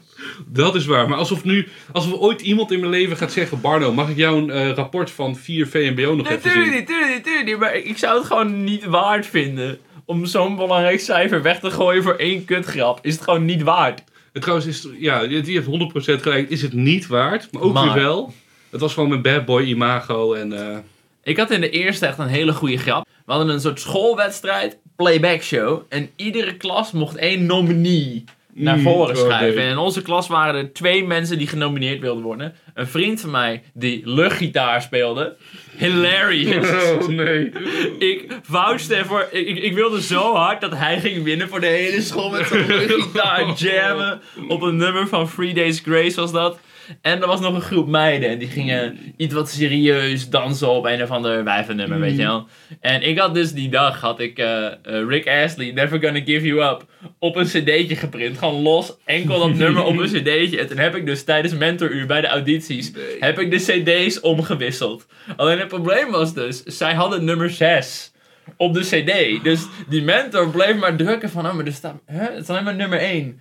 En dan waarom werkte dit volume echt keihard aan. ik, ging helemaal stuk. ik werd er echt vies hard uitgestuurd, maar het was het echt 100% waard. Goed, ik zie het je ook zo doen, We ja. hebben ook al meerdere keren, toen was echt net een beetje die beamers, was echt een beetje nieuw. Echt gewoon meerdere keren porno opgezet op de beamers. Doe dit van Rick niet na. Eén keer ook echt achter de docent, die stond zo'n verhaal te vertellen. Toen hadden we een meetspin opgezet, dat is die met die draaiende piemel, die zo rondjes draait. Ja, en stond gewoon de verhaal te vertellen. Toen zag ze dus zo achter dat die, die vleeslul zo rondjes aan het draaien was. Piemel. Ja, daar zijn echt wel oude gesprekken om gevoerd toen. Maar dat was ik niet, dat was ik niet. En een keer bij wiskunde, ongeveer hetzelfde grapje. Hey, wat voor, hoe moet jij jezelf profileren als leerling? Was jij verbonden aan een groepje? Was jij buiten? Ik had vooral, ik denk buitenbeentje, maar dan met een twee vrienden waar dan echt een beetje hardcore mee omging. Maar het wisselde ook een beetje per klas. In de derde waren we echt als klas echt één unie, een beetje voor ons Oh, gevoel. cool. Hadden we echt, eh, waren echt een beetje een groep, maar over het algemeen was ik wel redelijk op mezelf. Maar weet je wat een beetje het ding is? Eh wat dat besef ik me nu ook, tweede dit verhaal vertelt. Jij hebt maar één middelbare school gehad, hè? Jij bent gewoon alle kanten op uh, gebonjourd. Ik- Ik, ik heb echt- één middelbare school gehad, ik ben daar begonnen. Ik ben begonnen op HAVO, toen wel omhoog gegaan naar VWO, maar ik heb alleen maar op dezelfde middelbare school waar, gezeten. ja. Ik ben dus hier in Deventer begonnen op de Boerhavenlaan. Toen degradeerde ik eh, naar de VMBO-klasse in Twello. Toen heb ik in Twello dat gedaan en uiteindelijk een uitstapje gemaakt naar Apeldoorn Kortebos. Toen ben ik teruggegaan naar, gepromoveerd naar HAVO. En was, het zo, was jij zo kut? Of was het ook een niveau ding? Of gingen je ouders telkens verhuizen? Wat, wat gebeurde hier allemaal? Nou, mijn ouders zijn wel twee keer verhuisd tijdens mijn middelbare school. Ik was ook echt zo kut. Ik heb echt dingen uitgehaald waar je niet blij voor. Ik vertellen, hier in Deventer bijvoorbeeld. Weet je nog wel, toen was er één jongen wie ik altijd ruzie had. Die stond te pissen en die was een spiekbrief aan het opschrijven. Dus wat doe ik? Ik gooi die tas zo voor hem in het urinoir. En ik geef hem een zet, jongen. Hij valt zo. En ik zie hem zo nog uitglijden met zijn gezicht langs het urinoir. Met zijn Oh. eigen tas. Heel pissig Ik heb echt een soort gelijk verhaal. Ik was het niet. Het was die vriend van mij die ook Mhm. luchtgitaar speelde. Er was een jongen Oh, aan het nee. plassen met een hele grote tas op zijn rug uit onze klas. En terwijl hij aan het plassen was, trok hij hem zo aan zijn tas zo achteruit. Oh. Zo op zijn rug en die plas zo de lucht in naar beneden. Dat was echt niet best. Het enige wat ik echt qua geweld heb gedaan is dat ik toen ik wat hoger zat, op een gegeven moment zijn bruggers gewoon kut. Je in de vierde zit, Ja. zijn bruggers echt kleine motherfuckers. Ja. Ze worden ook ieder jaar kleiner, heb ik nog steeds. Ik zie nu echt die bruggers lopen. Ik denk, huh, ben je acht of zo? Wat de fuck gebeurt hier? Eh, Ja. Wat ik dan deed was bruggerbolen. Dan pakte ik zo mijn tas vol met boeken en dan zag ik zo'n brugger aan het einde van de zaal. En dan deed ik zo aanlopen, zo, wow, zo die tas tegen die beentjes. Goed, hé, heel goed. Of ja, nee, niet goed. Niet goed. Dat Ik is heb nooit problemen mee gehad overigens, Oh, maar oh. voor de rest zou ik geweld op middelbare school niet echt aanmoedigen. heb je nooit gevochten? Ik heb echt nooit gevochten, want ik wist gewoon dat ik niet ging winnen. Dus ik was echt alleen maar van het bekvechten. En, eh, oh, ik heb best wel vaak. Ik heb op de, Echt? Ja, best wel vaak voor dat, mij. is wel, dat, dat is waarom jij van school moest wisselen en ik niet. Misschien vechten is wel echt een reden. Ik denk, flikker die gast van mijn school af, Nou, op. ik, ik weet de eerste keer, ik, ja, dat is echt een lang verhaal. Op Deventer heb ik heel vaak gevochten, echt drie, vier keer. Heb je ook vaak gewonnen, of dat niet? Jawel, jawel, maar dan wel tegen kleinere mensen. Tegen mensen van ja, hey. En weet je wat het mooiste is? En dat vond ik echt. Eén keer hier in Deventer was dat dus. Die jongen ook die ik met... eh, heel gedoe. Ik heb die jongen die ik net vertelde. Ik heb ooit een keer... We hadden een trappenhuis in Deventer. Toen heb ik zijn eh, rugtas... Heb ik gewacht op de bel. En toen de bel ging, 10 seconden wachten, gooide ik zijn rugtas naar beneden, van drie hoog. Dat je hem zag rennen naar beneden. Alleen alle kinderen gingen op een gegeven moment via het trappenhuis omhoog. En iedereen tufte naar beneden. Hij moest daar beneden zijn tas pakken. En hij deed het ook nog. Hij zat helemaal onder de roggels. Wat denk je, een paar dagen later komt er een jongen naar de middelbare school. Die kwam mij opzoeken. En ik vond het al raar, want er stond een haag van mensen. Niet normaal, echt heel veel mensen. Dat was je uitvaart. Stonden je op te wachten. Ja, Maar die kreeg- jongen kwam dus echt puur naar die school om jou in elkaar te slaan. Was een Exact. neef of zo, die dacht ik ga, wie heeft dat gedaan? Bardo Ellens. Exact. En die stond daar en hij verwachtte een gevecht. Ik wist, als ik gevechten met hem, er stonden vier anderen bij, dan moet ik met iedereen vechten. Het gaat niet werken. En terwijl hij mij in mijn gezicht aan het spugen was, hij gaf me een tik, zag ik dus ongeveer 50 meter verder, super lief, ook super kut, mijn broer achter de bosjes. En hij had ook zoiets van, ja, wat moet ik doen? Bardo wordt nu in elkaar geslagen. En op een gegeven moment, nou, heel gebeuren, ik heb een paar tikken gehad, ik op de fiets weg, komt in één keer achter mij gescheurd, mijn broer eh, naast mij gefietst. Bardo fiets nu gewoon rechtdoor, ga rechtsaf, ik wil hier links, links en zie ik je daar even. Super lief. Dat ik dacht, ja, kut dat je me niet helpt, maar wel super lief dat je dus Maar en toen? assisteert. Nou ja, toen uiteindelijk ben ik weggefietst, omdat hij mee... nog even in je gezicht geroggeld en toen eh, naar huis Ja, gefietst? hij is één keer langs me heen gefietst, heeft hij nog om me getuft. En toen ben ik me heel gauw rechts, links, rechts, zoals mijn broer zei. Hem sprak ik daar, toen zijn we samen heel hard naar huis gefietst. En eh, dat was het verhaal eigenlijk. Maar ik vond meer het idee van mijn broer erin heel lief. Ja, ik ben nu al benieuwd. Als je nu terugkijkt naar deze tijd, voel je dan ook best wel een pestkop eigenlijk? Of ik mezelf. Ja, weet je, we zijn vandaag de dag allemaal erg van pesten slecht, pesten slecht. Maar als je dan terugkijkt naar je middelbare school. Ik heb Ja. wel een beetje. Dat ik denk, ja, ik heb in de brugklas misschien wel een paar mensen toch niet de dood ingepest of zo. Dat, eh, het, was, het was echt niet extreem of zo. Weet je wat Het was nog wel binnen de beugel, maar nu ik erop terugkijk, denk ik wel van ja, ik had gewoon wel aardiger kunnen zijn tegen sommige mensen in mijn klas.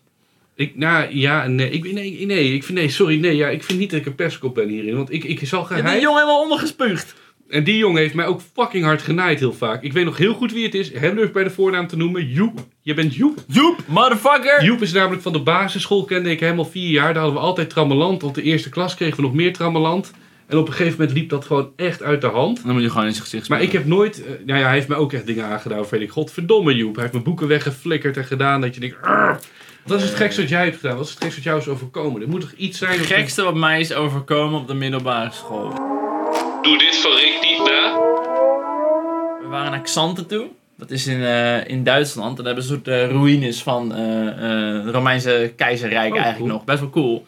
En dat was in de tweede. En ik vond het toen nog heel grappig van haha Hitler. Weet je wel, net zoals op de tafeltjes hakenkruisen geschreven werden. Mhm. eh, ging ik daar de hele dag een beetje in het zand met een stok hakenkruisen maken. Want dat was blijkbaar gelijk een comedy. En toen op een gegeven moment kwamen we terug bij de bussen.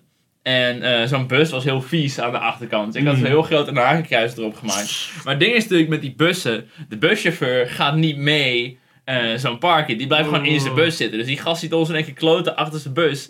Die stapt naar buiten en die ziet in één keer zo dat gigantische hakenkruis op zijn bus. Hij was fucking boos. En het is in Duitsland dus strafbaar om hakenkruisen te tekenen.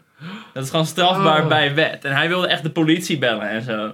Oh. Eh, en toen heeft mijn eh, leraar geschiedenis gezegd dat ik eh, zwak begaafd ben. En dat ik niet wist wat ik aan het doen was. En toen zijn we er onderuit gekomen. nee. Dat is de meest epic escape. Hij zei, ja, deze jongen is niet helemaal 100. Dit doet hij nou eenmaal. Laat hem alsjeblieft gaan. Weet je wat ik nog wel weet? Een beetje hetzelfde met dit met bussen en excursies. Twee dingen. Allereerst, we hadden een nerd in de klas, Dion. En Dion deed nooit wat. Lief, altijd lief. Alleen hij liet heel makkelijk over zich heen lopen. Tot hij op een gegeven moment in de bus zei: tot hier en niet verder. Dus wat doet Dion? Hij kreeg een flesje naar zijn hoofd. Hij pakt dat flesje en hij gooit dat terug. Alleen Dion heeft nog nooit meer de flesje gegooid. Dus dat flesje vliegt over iedereen heen tegen de buschauffeur aan. en die buschauffeur was woest. En die arme Dion werd zo de bus uitgezet. Ik zie hem daar nog zo staan. Echt klein, mager mannetje. Dan werd hij gewoon midden op de reis van de bus uitgezet. Ja, want ik Kijk zag- hoe je thuis komt, kutkind. nou ja, hier is dus het tweede gedeelte. Eh, want eh, toevallig zat ik toen wel in die bus. Maar er was altijd een tweede busje voor Dennis. Dennis had een, we noemden dat het Mongolenbusje nodig. Lekker aardig. ja, dat is liefkozend hoor. Maar, want dat was zeg maar zo'n speciaal busje waar je dan met je rolstoel in kan, weet je Ja, wel? ja. Dus eh, toen, in dat busje kon Dion mee en terug naar school. En ik zal één ding nooit vergeten. Dat eh, zeg maar de sportjocks van de school, de coole kinderen die altijd iets meer eh, energie gaven. Dat, eh, want het idee was altijd, wij gingen met Dennis mee in een busje. Alleen die kinderen, die sportjocks, hebben één keer renden ze voor ons uit met Dennis een busje in. En ik weet nog dat wij daar stonden buiten dat busje. En wij dachten bij z'n allen, sorry Dennis, je bent fucked. Je rijdt nu maar met deze gasten mee. Die gasten die altijd irritant doen tegen Dennis. En ik zal nooit vergeten hoe Dennis daar zat met een geïrriteerde kop. Echt een gepikeerde kop ook. En dat hij echt die gasten, voor het eerst dat ik Dennis eh, gewoon echt die gasten de grond in zag schelden. Dat eh, Tom, hey, hey Dennis, vind je nog leuk? Zit je met z'n allen leuk? Hè? Vind je het leuk in je stoel? Ha, kom bij hem ook een stoel. Ha. En dat Dennis op een gegeven moment echt zei, Tom, hou je kankerbek nou man. en ik schrok me de tering. Dat ik dacht, oh shit, dit is geen leuke stemming meer. Nee, En, nee. en er reed zo'n busje weg met vier mensen en Dennis. Dat ik dacht, oh god.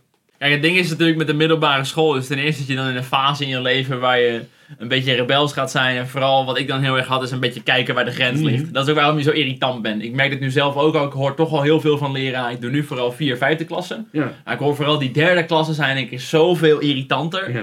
Die hebben nog niet echt een vakkenpakket gekozen. Die hebben ook heel veel vakken waarvan ze denken, ja fuck it. Over een paar weken hoef ik nooit meer scheikunde te doen. Stik er maar in. Het schijnt echt wel dat die derde klassen een stukje moeilijker zijn. En ik weet zelf nog wel echt heel erg dat ik gewoon heel erg graag bij leraar de grens op ging zoeken. Van hoe irritant kan ik zijn? Wat kan ik wel en niet maken? En dat is ook wel juist een beetje belangrijk voor je ontwikkeling. Maar Nou, weet je wat ik misschien als laatste hiervan wil vragen? Dat is voor jou met de billen bloot en voor mij. Is er sprake geweest van ook maar enige vorm van liefde? Nou, oké, dat is heel hard. Is er sprake geweest van een romance? Heb jij je eerste zoen gehad op de middelbare?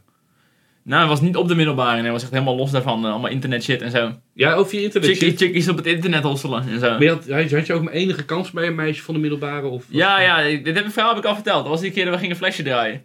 Oh, Met z'n die. tweeën. Oh! Dat was wel, ik had wel meer meisjes op de middelbare die ik leuk vond, maar ik was dan altijd... maar die dus, zat eh, wel bij jou in de klas of op school? Nee, andere klas, maar wel bij mij op school. Ja, oké. dat ik had wel meerdere meisjes die ik leuk vond, maar dan altijd gewoon te pussy zijn om wat mee doen. Een beetje Lord Friendzone. Weet je wat ik dus vorige week, ik had in, of niet vorige week, vorige maand of zo, kwam er in één keer een knopje. Ik had ooit een afspraak gemaakt met een meid dat eh, zij mij zou ontmaagden als ik 20 kilo afviel. Dat is serieus. bent nog steeds aan het afvallen. ik, ja, ik ga morgen naar de huis, dan ben ik aan. Het is me gelukt. hij, is gewoon, hij is gewoon een man en kinderen. Ja, nu wil ik neuken. Nee, nee, nee. Maar eh, nee, dat is denk ik, eh dan moet ik aan denken toevallig wie dit zegt. Maar ik, ik heb nooit echt, echt de liefde en de romance lijkt me wel chill als je, als je vriendinnetje gewoon bij in de klas zit. Dat je gewoon lekker naast elkaar kan zitten en lekker chillen. Ja, is dat, lijkt je chill? Word je ook een buiten? Nou ja, uiteindelijk wordt het ook op een gegeven moment natuurlijk een probleem. Ik heb het ook wel vaak gezien dat mensen in mijn klas wel gingen daten. En als je uit elkaar gaat, heb je wel een soort periode waar er wat, wat spanningen zijn. Maar dat is voor de rest van de klas in ieder geval erg lachen. Nee. Ah, Er gebeurt hier wat, er gebeurt weer wat. En daarover ook een klein beetje. Ik heb het gevoel alsof sommige dingen toch een beetje constant zijn. Op Mm. sommige op, op eigenlijk alle scholen, weet je wel. Iedere school heeft ongeveer eens in de zoveel tijd alweer zo'n meisje die per ongeluk eh, heel uitgebreide naaktfoto's lekken. Ja.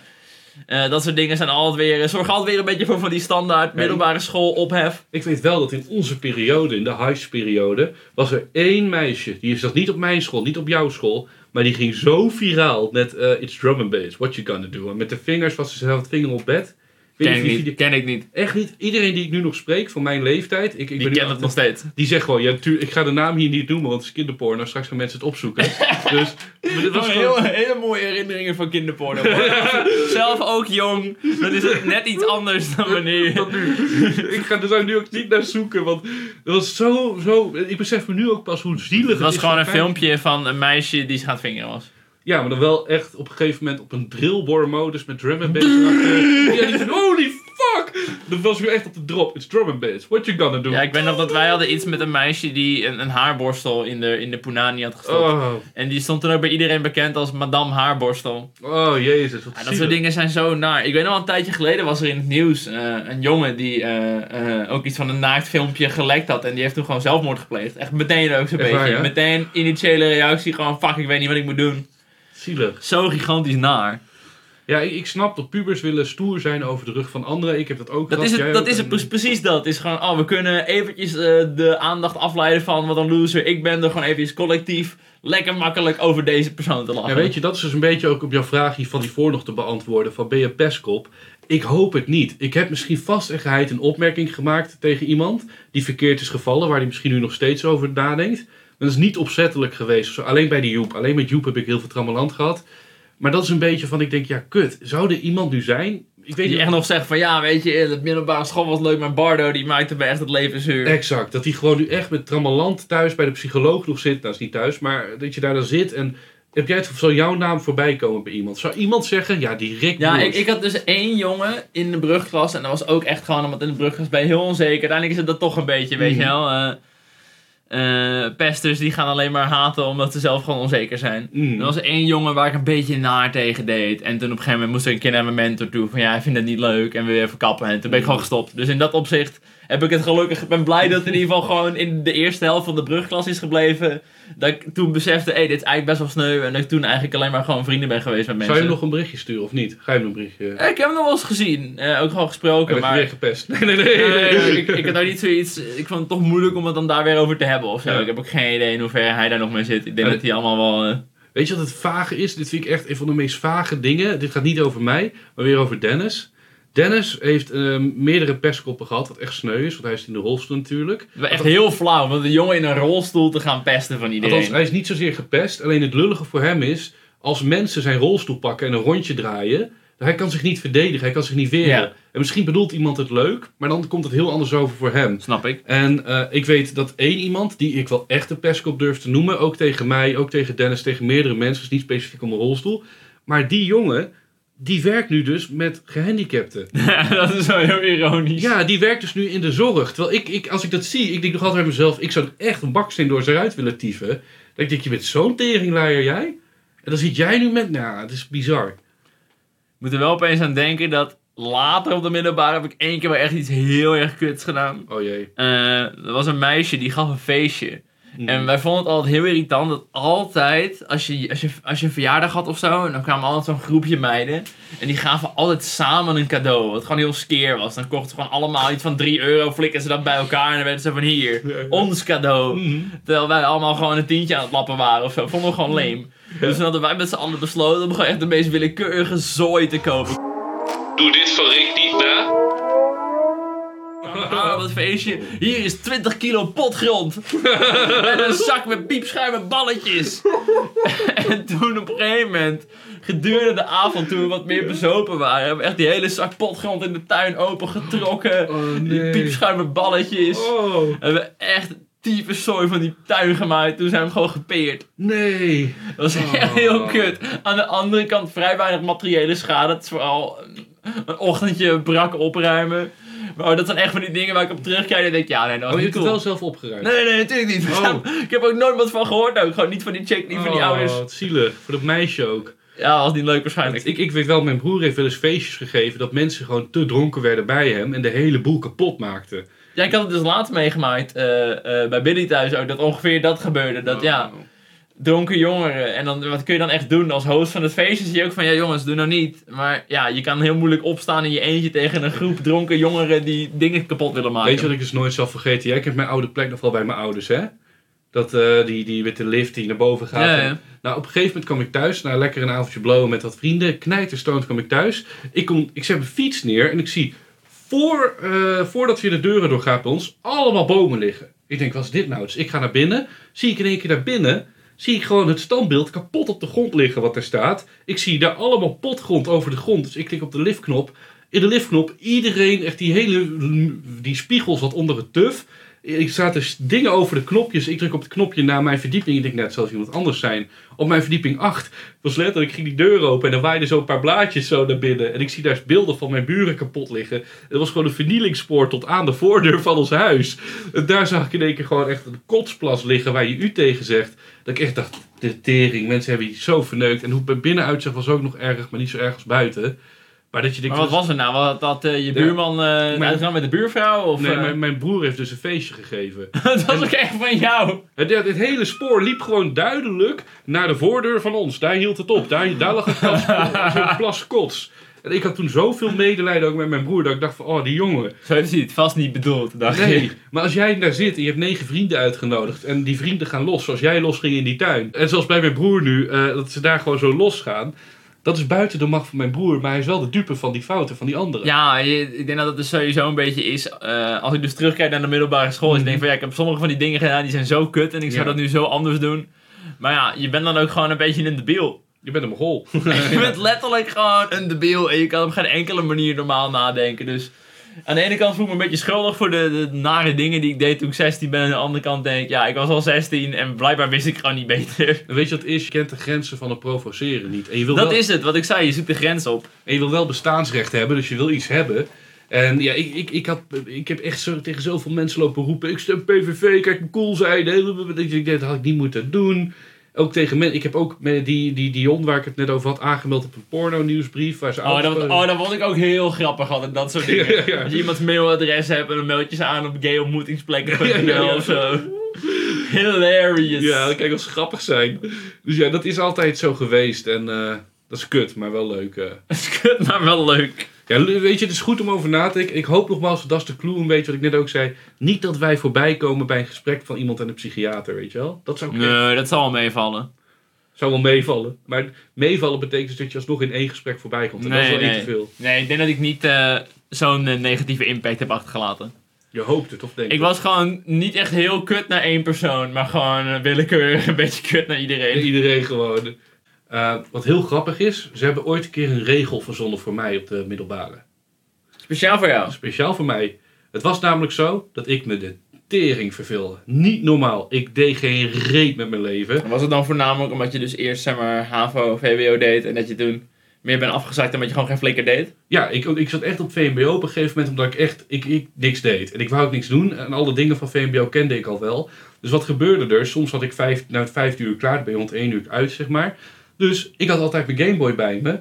En iedereen die moest nablijven of straf had, zat in de aula te werken. Ik ging daar gewoon bij zitten. Net als dat ik bij Stef door het raam naar binnen klom. En ik ging gewoon daar chillen tot vier uur, half vijf. En op een gegeven moment, dat heeft echt een half jaar, anderhalf jaar geduurd. En op een gegeven moment had ik een vaste kliekje ook met wie ik daar zat. Waaronder Dennis en Stefano, Mhm. een paar meiden. En toen heeft dus de schooldirectrice heeft de regel ingevoerd. Dat je als je klaar bent met school, direct naar huis moet. Dat je niet meer daar mag blijven zitten. En ik was degene die daar dus eerder altijd gewoon echt zo zat. Gewoon drie uur lang. En eh, lekker te chillen met iedereen. Lachen. Liep ik een les binnen. Hallo, Bardo, ik ga weg. Oké, doei. en dat was een beetje mijn leven in de notendop toen. Ik was echt zo'n guy die altijd een beetje irritant deed, maar dan binnen de schoolregels. Bijvoorbeeld, er was dan een regel tegen chips. En dan nam ik eh, Pringles mee en dan zei ik van ja, nee, maar die zijn dan gemaakt van rijst. Dus dat is dan eigenlijk geen chips. Ik weet nog wel een keer dat we. eh, je hebt een- heel veel scholen werken met zo'n systeem van printengoed. Dat je zeg maar aan het begin van het jaar krijg je een tientje of zo. Ja. En zeg maar, zwart-wit print is dan 10 cent en kleur is 35 cent. En aan het einde van het jaar resetten ze je te goed terug naar dat tientje bij ons. was niet als je nog een tientje had staan, heb je volgend jaar 20. Je ging weer terug naar dat tientje. Dus zeg maar, laatste week was het altijd gewoon print mayhem. Gewoon alles printen. Dat printengoed moest op. Dan gingen we altijd zo in bepaalde McDonald's kortingsbonnen gewoon 50 keer printen. En ik had het systeembeheerder van jongens, wat zijn jullie nou aan het doen? Hij zo, printen! Dit is ons printengoed, we mogen doen wat we willen! Ik zie jullie gewoon verkleed als piraten over die printmachine. Ah! Ah, dit is ons goed recht, die betalen onze ouders voor! Weet je het wel, jij bent netjes, jij bent binnen de perken gebleven. Ik, ik deed altijd, als binnen mijn ding, ik verzon dingen die over de grenzen gingen. En ik liet anderen het heel vaak uitvoeren. Ik weet ooit Ah, dat wel goed, dat is slim. Ik had ooit een keer, ik weet, je hebt het ook gehad, een garderobe waar alle jassen hingen. Ja, ja. Dus op een gegeven moment, ik zat daar weer, ik had vrij. Dus ik pak, met mijn twee handen pak ik zo heel veel jassen en ik gooi die op de grond. ik pak nog een keer die jas en ik gooi Oh, die op de ik grond. ook wel eens. En- Moest ik mijn jas ophangen, was het gewoon, ah, iemands jas op, op de grond. Nee, nee, maar jij praat over één jas. Ik praat over echt... Ja, dan wilde ik gewoon mijn jas ophangen, maar geen haakjes vrij. Flikker ik iemands jas op de grond. Dat heb ik ook heel vaak gedaan. Maar dit was de meesteractie. Door een stapel op de grond, nog een stapel. Op een gegeven moment was ik klaar met het eerste rekje. Ik ging verder met het tweede rekje. Alle jassen op de Oh. grond geflikkerd. Nee, op een berg. Dus echt een één grote Echt berg. gewoon. En toen kwam Stefano eraan. En Stef die zei, wat doe je, wat doe je? Ik zo, ik gooi alle jassen op een berg. Hij zo, nee! De Stef die pakt twee handen. En ik ging op de verwarming zitten ernaast. Stef vol enthousiasme. Hij zei, oké, wat gaan we nu doen? Ik zei, maak een snoepduik. En toen hij die snoepduik maakte, ging de bel. Kwam de conciërge eraan gelopen. En ik rende snel naar buiten. De Stef die lag daar in zijn eentje tussen alle jassen van de hele school op één berg. En ik stond buiten bij dat raam een peukje te roken. En ik, kijk, ik kreeg op zijn flikker, jongen. Ik kon twee weken nablijven. En ik zat daar vol te genieten van mijn meesterplan. Ik dacht, oh, oh, oh. sorry Stef als je dit luistert. Maar Dat is heel goed. ja, dit was niet de bedoeling. Ik had net als Rick gewoon één jas op de grond moeten flikkeren. Ja. En je hebt trouwens nooit iets gestolen van school van anderen? Of van, eh, Ehm, nee, nee. Niet gestolen of zo, nee, zou ik nooit doen. Nee? Ja, ik ken heel veel mensen die bij de jassen ook gewoon gingen zoeken naar geld en zo. Oh, ik ben, nee, ik ben echt fucked up. Ik weet nog wel eens dat er bij gym, hadden we gym samen met eh, een andere klas. En er was opeens een mobiele telefoon gestolen. Wat? Ja, er was gewoon opeens eh, een mobiele telefoon van ons gestolen. En iemand was ervan overtuigd, dat is sowieso die andere klas, sowieso die andere klas. En toen is hij naar binnen gesneakt bij de kleedkamer. En toen heeft hij een, eh, zijn simkaart in de prullenbak gevonden daar. En toen is die hele klas bij elkaar geroepen. Net zolang ze die telefoon vonden, de hele kleedkamer overhoop gehaald. En is zijn telefoon weer... eh, Is hij gevonden? Ja, zijn telefoon is gevonden. maar maar- ik, heb, ik heb zelf echt nooit iets gestolen. was de dader ook gepakt erbij of niet? Voor mij is het dader ook gepakt, maar wat daar precies van gekomen is, weet ik echt niet precies. Dan ben je echt een laf. Het ergste wat ik al heb gestolen van andere leerlingen... is dat je doelbewust, ook echt doelbewust vraagt... Mag ik een pen lenen? Ja, die krijg je. Je en dan weet je, oké, als de bel gaat, ren ik weg. Ik moet die pen houden. Ik heb hem nodig voor hem. proefwerk. weet je wel, dat is het meest doelbewuste stelen wat ik heb Oh, ja, nee, ik was echt, eh, net zoals ik al vaker met dingen aangaf, veel te paranoïde daarvoor. Joh. Dingen Ja? stelen van school, nee, fuck die shit, man. Oh, de heilige regels waren daarvoor. Zeg maar, ja, ik ben wel heel erg van de regels in dat opzicht. Ik ben heel erg kut, maar dan wel het liefst binnen de regels. Er staat nergens dat je niet een jas van de kapstok af mag flikkeren. True. Is niet leuk, maar je hoeft er ook weer niet voor na te blijven. Nee, ik snap wat je bedoelt. De enige keer dat ik nablijf was omdat ik niet wilde vegen. Oh, jongen, ik had, ik had grandieuze ideeën en ik liet anderen ze vaak uitvoeren. Zoals die jassen dus. Eh andere laat ik even hier buiten. Er zijn, ik, ik geloof, ik heb drie ramen, heb ik niet zelf, maar ik heb drie ramen kapot zien gaan. Laat ik het zo zeggen. Dat was jouw idee. Nou, ik weet eentje, er rende iemand achter me aan en ik wist, hij gaat me neerschoppen. Hij gaat me nu vol op mijn kuiten trappen. Dus ik ren naar buiten en ik gooi die deur naar achter. En hij trapt vol met zijn been door het raam heen. Hij moest naar het ziekenhuis daarna. Oh, wauw. Nee, het was niet erg hoor, het was geloof ik nog één hechting of zo. Maar Over gesproken moet ik wel opeens... Oh, was het verhaal af? Oh, nee, Ja, een ander dat raam. was nog een raam. Eh, die andere twee ramen die ik voor de volgende podcast. Dus abonneer alvast. Wauw, wauw. Meer sneuvelende ramen. Ik moet wel opeens denken over vernieling. Ik heb ooit bij Gym heb ik, eh, nat cement vernield. Nat cement. Ze waren zo cement aan het gieten. En, ik, de, en ze hadden dus een aantal van die cementen tegels. En ze waren één Mhm. extra tegel aan het vervangen. Die waren ze opnieuw aan het gieten. En ik zag dat dus gewoon niet. Het was al gegoten en het was aan het drogen. Het leek gewoon alsof één tegel een beetje nat was met water. Dus ik rende gewoon zo. Oh. tik, tik, tik, tik, tik, tik. Zo door die bak cement heen. En die gasten waren boos, jongen. Die dachten dat ik het bewust deed. Maar nee, man. Ik was gewoon aan het rennen van A naar B. En ik ren gewoon zo dat cement heen. Wist ik veel. Mm. Weet je wat misschien leuk is om deze podcast mee af te sluiten? Dat is het meest pijnlijke voor ons beiden, denk ik. Eh, de, De bel. oh, de bel, maar ik wou zeggen, bijna de bel, de piepjestest. Ik vond de piepjestest wel wel leuk. Ik was er altijd relatief goed in in vergelijking met medestudenten. Ja, ik kon me een beetje bewijzen. Ging ik heel erg tryhard. Dat was echt kapot. Echt kapot aan het einde van de ik- piep- piepjestest. Maar mijn ding was altijd, ik wil gewoon niet laatste worden. Ik wil in ieder geval... Dat snap voor, ik. Voor mijn voortplantingsorgaan, om het netjes te zeggen. Het is niet netjes als ik als eerste afval. Ook wel altijd wel afvallen, maar dat lukte me niet. Nee, je wilt niet als eerste afvallen bij de piepjestest. Maar het is me één keer gebeurd dat ik wel als eerste. En wat was dat Dat was een groot verlies. En ik weet ook een andere keer, toen was er iemand gewoon bij ons in de klas. En die stopte al na één piepje. Die verdomde het echt. Fuck deze shit gewoon. En toen dacht Fuck ik- het schoolsysteem. Maar toen dacht ik ook, ik moet nu twee na laatste worden. Ik kan niet één na laatste worden, want die Nou, gast... je, misschien valt er wel wat voor te zeggen. Als je gewoon echt een beetje het rokt, als je een beetje de attitude hebt, kun je gewoon stoppen voor het eerste piepje. Gewoon zeggen, fuck deze shit, ik ben het hier niet mee eens. Ja, Ik heb mijn gezin om mijn best te doen. had dat mij toen gezegd. ik zat te rennen, jongen. Oh. je, bij gym krijg je toch altijd wel een voldoende. Als je een onvoldoende staat voor gym, doe je echt iets verkeerd. Maar dat is weer een hele andere discussie. Dat is waar. Zelfs Dennis had er voldoende. Zelfs Dennis had een voldoende en die jongen kan niet eens lopen. Ik bedoel maar. Ik heb die gast nog nooit over zo'n bok heen zien springen. Ik bedoel maar. Het zal je verbazen. Er is een tv-programma geweest, die heeft een sketch op hem gebaseerd. Dat heet Rundfunk. Ik weet niet of je die sketch kent. Die sketch met, zijn naam met zo'n bok in de Ja, dan taf met zijn kop er tegen. Oh, alle liefde, shout-out naar Dennis. Ik denk dat we hier eh, deze aflevering van de podcast eh, afsluiten. Ik denk dat we een heleboel dingen niet besproken hebben. Het onderwerp middelbare school is zo gigantisch breed vooral. Want ja, je spendeert best wel een groot deel van je puberende jaren op die middelbare school. Het zijn belangrijke jaren, want het is je ontwikkeling. Het zijn echt belangrijke jaren. De middelbare school is echt iets hartstikke belangrijks. En het maakt ook echt gewoon een klein beetje wie je bent. Ja. Goede docenten zijn daarin heel belangrijk. Juist misschien ook de docenten waar je het meeste mop mee hebt, kunnen juist wel heel belangrijk daarin zijn. En natuurlijk de vrienden die je maakt along the way.